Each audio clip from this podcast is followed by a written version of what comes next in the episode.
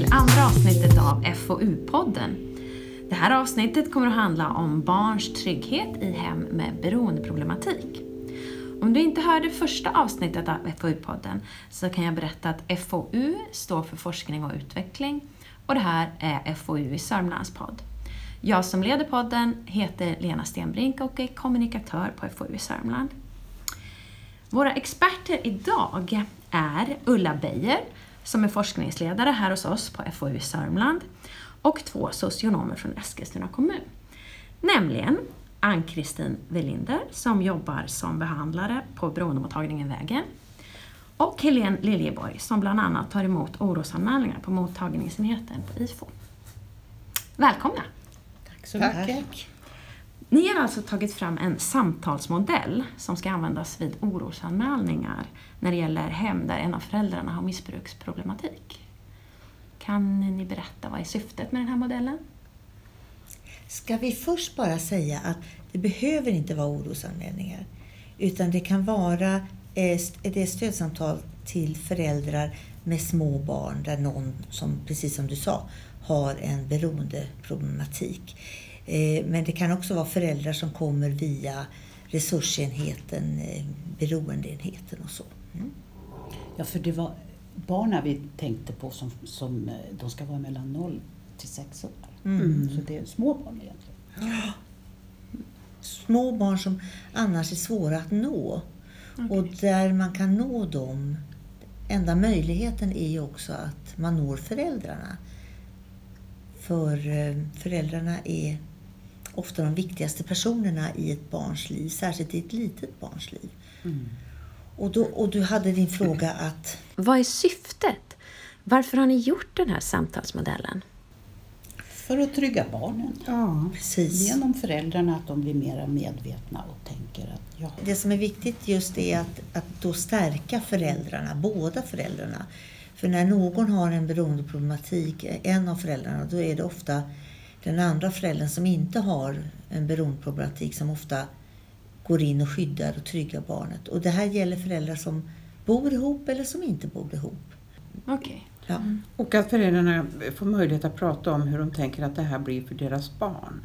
För deras, hur påverkar det mm. barnen? Så syftet är ju också att det liksom ska minimera skador som, kan, som det kan bli om, man, om små barn växer upp i en miljö där missbruk förekommer.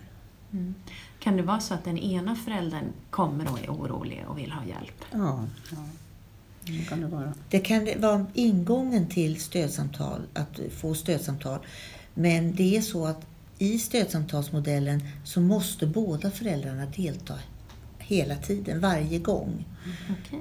Så, för det, det handlar om de båda två tillsammans som ska så att säga stärka sin, sitt barns trygghet, sitt lilla barns trygghet. Mm. Vad är det för skillnad på just era samtalsmodell då mot bara ett vanligt samtal? Finns det några speciella regler eller någon speciell struktur? Eller? Ja, det gör det. Dels eh, är det ju att båda föräldrarna måste medverka. Och sen bygger hela serien på eh, tre pelare. Och det är barns behov, föräldrars ansvar och samhällets ambitioner. Det är runt de, teman, de temana som samtalet förs.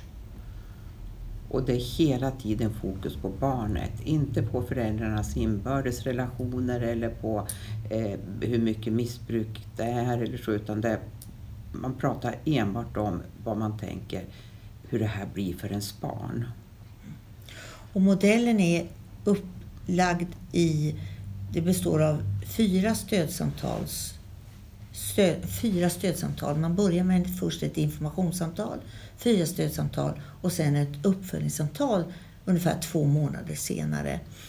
Och, eh, eh och, och, det bygger på en systemteoretisk modell eller teori och där man också har dialogen som en väldigt central punkt.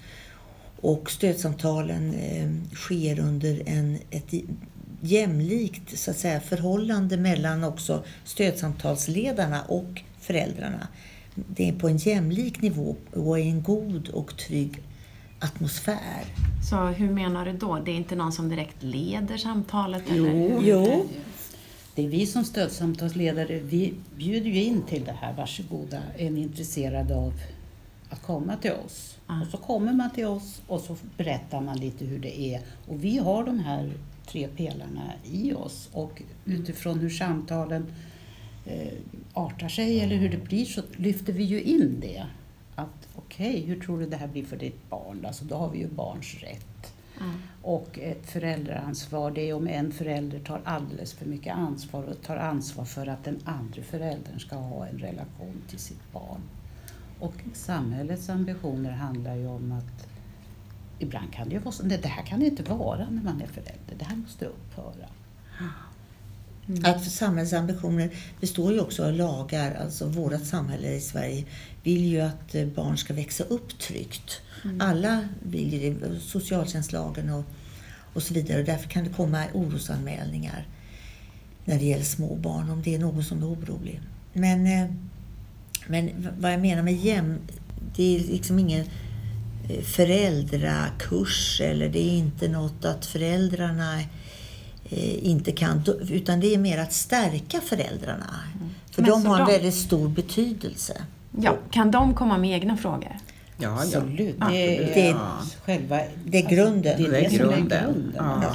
Det är det jag menar också med jämställt. Det är inte någon myndighet som möter eh, två föräldrar utan det är ungefär, vad ska man säga, fyra människor som möts där man har ett samtal och där stödsamtalsledarna då eh, stöttar de teman som kommer upp och som föräldrarna vill ha och som också eh, att man pratar öppet med varandra.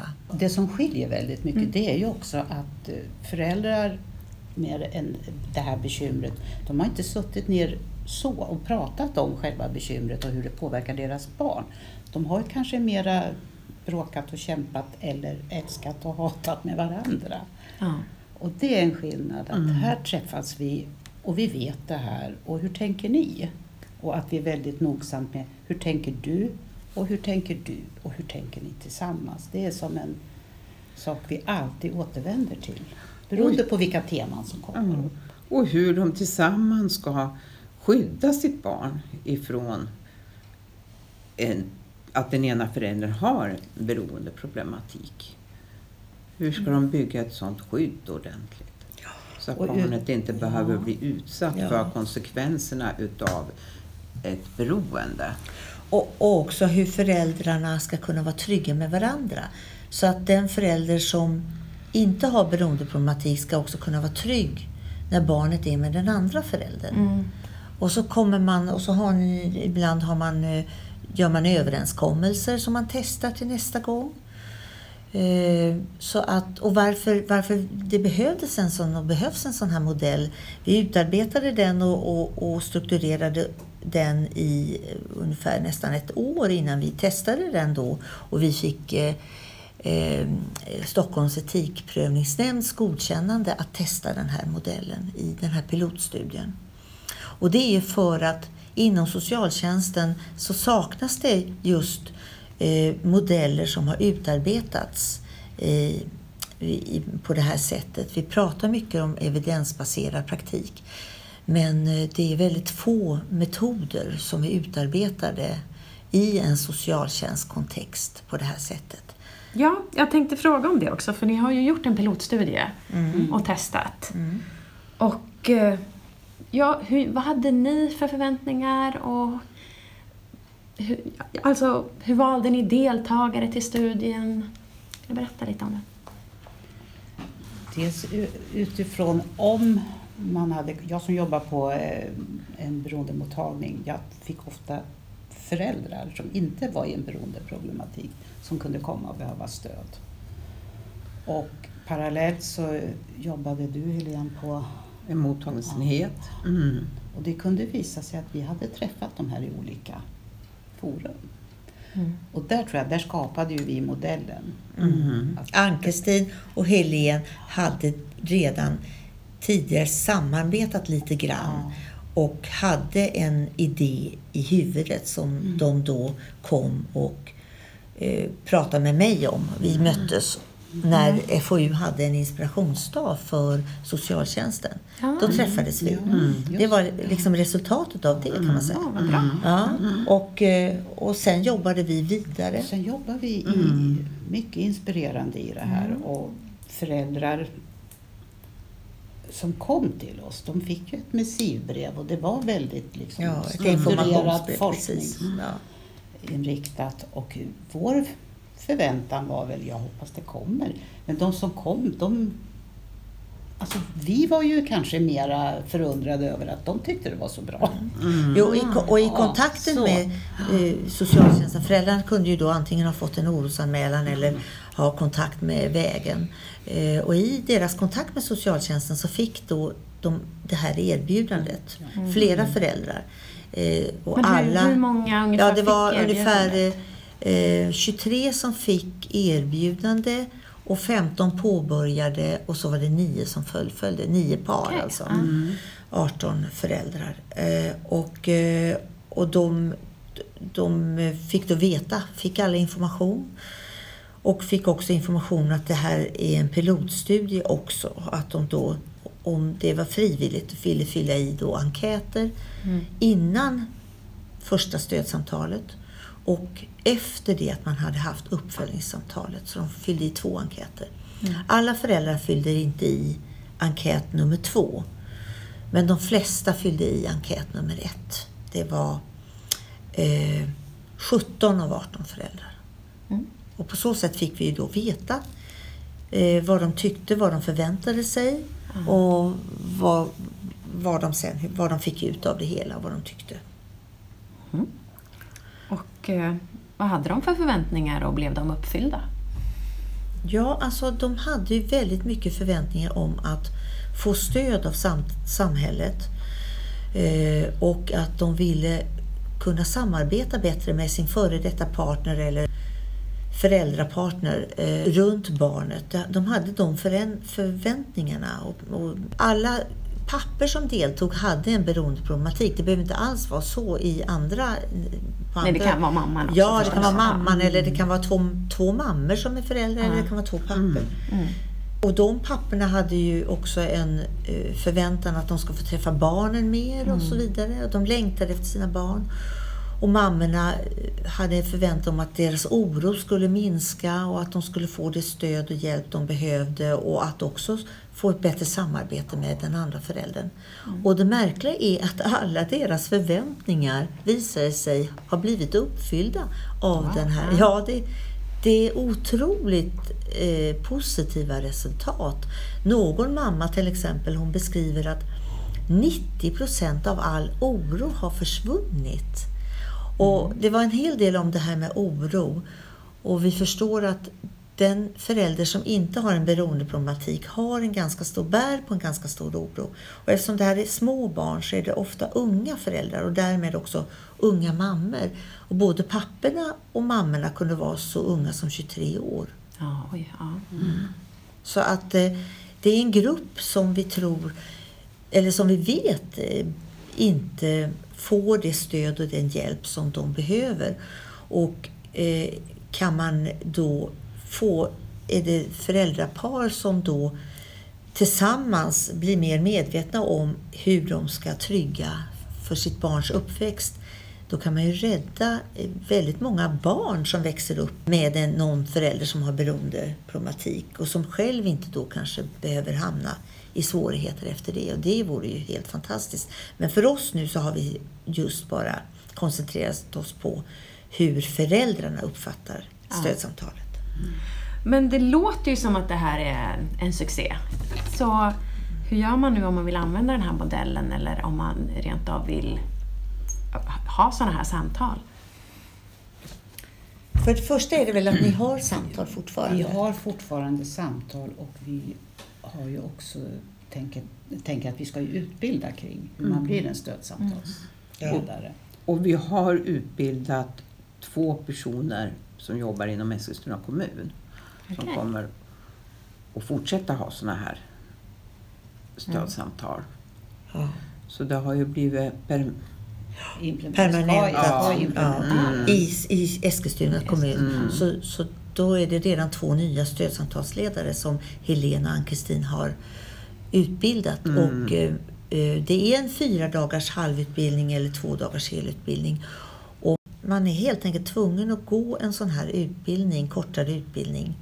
Vara socionom, ha de här erfarenheterna, behandling eller eh, Myndighet. myndighetserfarenheten och få den här stödsamtals eh, då korta tillsammans med två handledarutbildningar som följer efter. Det är först två heldagar eller fyra halvdagar och sen är det Handledning. handledning. Mm.